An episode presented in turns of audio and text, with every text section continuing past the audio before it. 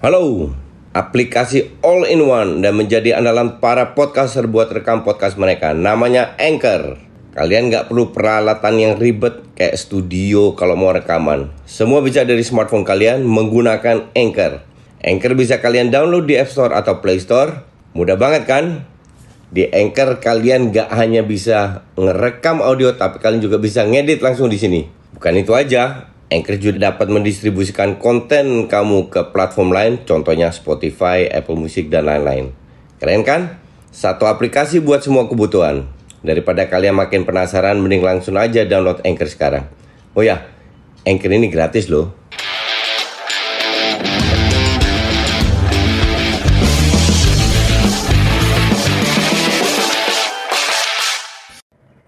Ya, salam Just Talk. Kembali lagi gue membahas dua match. Satu Arsenal yang hancur-hancuran, satu Barcelona. Kemarin gue nggak bikin karena gue lagi sibuk banget kemarin.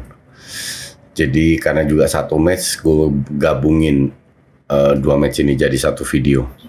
Uh, mulai dengan Arsenal dulu. Arsenal nggak ada um, Tierney, nggak ada Auba dan Lacazette ngaruh banget, banget nggak mereka menguasai bola, tapi kita lihat statistiknya ya. Ball possession 59% banding 41. Total shots 14 dibanding 8. Chances create 12 dibanding 4. Tapi big chance 0 dibanding 0. Itu isi eh, Everton juga enggak. Shot on target Everton 1. Arsenal 3. Shot off target 3-3 jadi nggak ada big chance.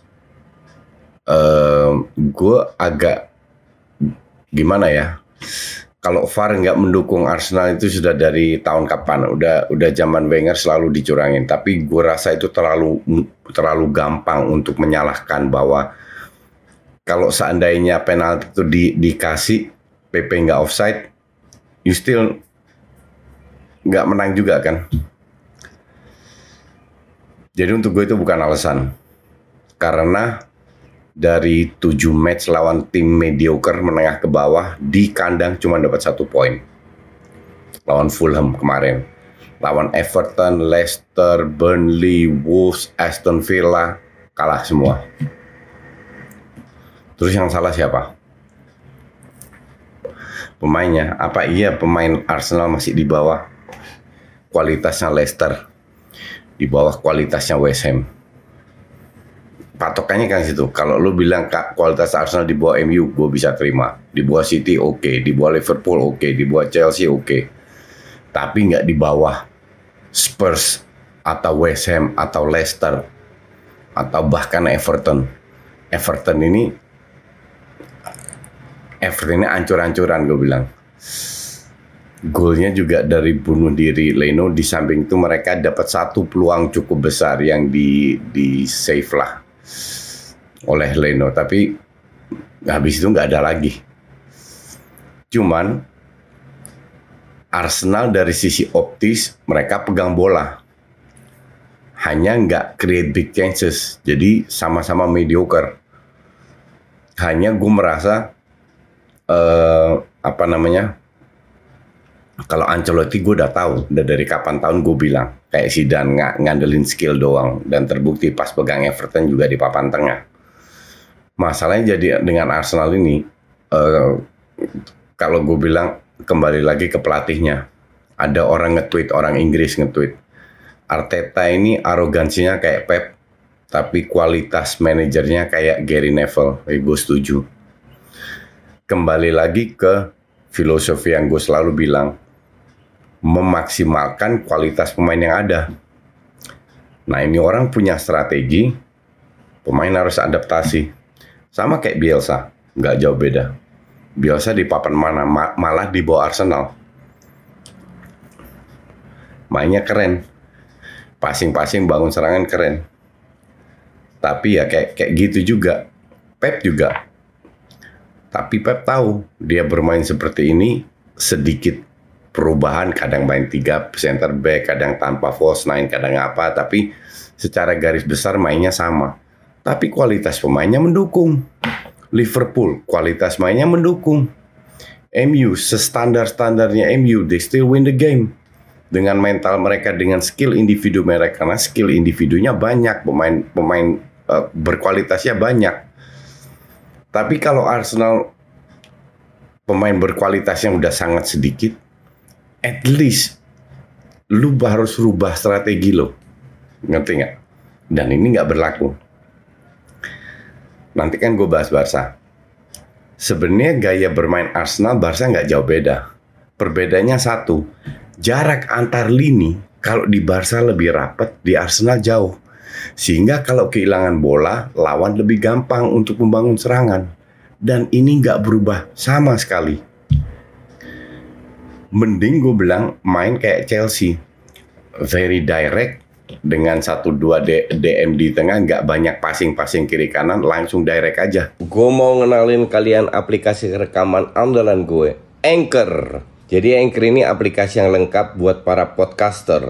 Kita bisa ngerekam, ngedit, tambah musik, efek, bahkan sampai upload ke platform lainnya. Semua bisa dari Anchor. Nah, aplikasi Anchor ini bisa kalian download di App Store atau Play Store dan juga di website di www.anchor.fm. One app that your podcast needs. Oh ya, Anchor ini gratis ya. Ngandelin skillnya Saka dan lain-lain aja. Memang hari ini uh, si siapa nggak main, si si Auba dan dan Lakaset nggak main. Tapi kalau main kan juga kalah-kalah juga. Sekali dua kali salahin pemain iya. Leno itu udah berapa kali blunder.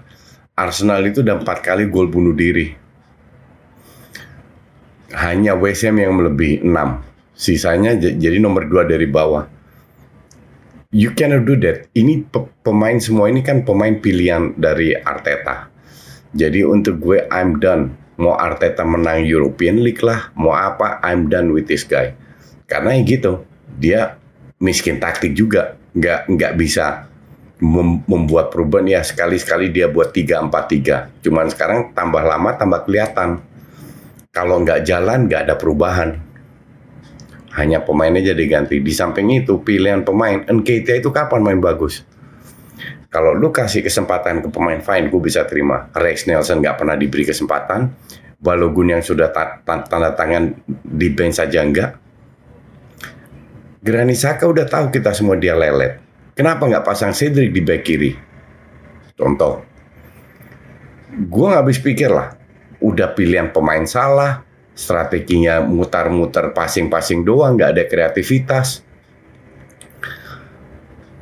Mau ke mana ini? Sekarang Kroenke bilang, nah dia nggak jual, dia akan invest ke pemain. Kita lihat yang siapa itu. Tapi kalau di bawah Arteta, I'm done. I'm done lah. Ya gue nggak tahu. Mungkin yang bisa bi bisa menyelamatkan dia hanya menang-menang terus kayak Ole lah. Menang-menang semua, mainnya katro, pas-pasan standar banget tapi menang-menang dan fansnya akan diem semua. Rank 2 itu bagus, bukan bukan hanya rank tapi poinnya uh, apa namanya prestasi dengan banyak banyak ugly win but you still win the game itu yang dilakukan oleh cuman uh, ya kita nggak tahu kita lihat aja tapi intinya for me I'm done dengan Arteta um, Barca gue baca statistiknya dulu ya. Ball possession 80 dibanding 20. Total shot 9 dibanding 5. Chances 9 dibanding 3. Big chance 3 dibanding 1. Tapi 5 gol. Dua golnya gol lucu, satu bunuh diri, satu penalti. Itu untuk Getafe dan Barca pun demikian. Tapi Barca masih cetak 3 gol. Babak pertama bermain luar biasa kerennya. Oke. Okay. Nah, babak babak pertama ini skor kan 3-1 kalau nggak salah. Sebentar gue cek dulu. Uh, babak pertama satu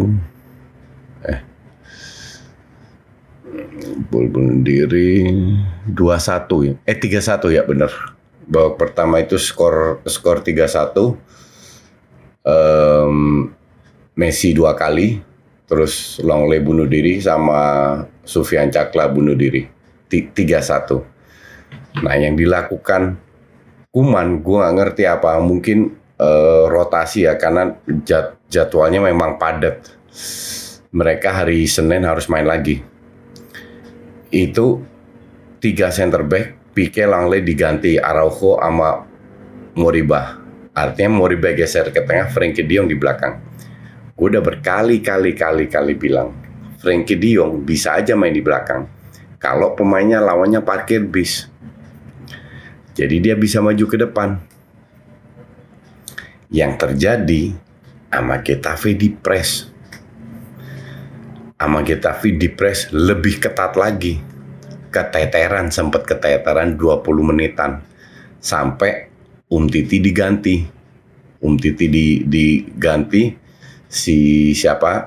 Uh, Trinkau diganti sama Um Titi diganti. Minggeza itu kan dimarahin sama sebenarnya Kuman bilang ya sorry gue overreact tapi Kuman udah stres dengan permainan itu sampai ke menit ya menit 75 lah dari 45 75 tiga setengah jaman itu di press habis-habisan.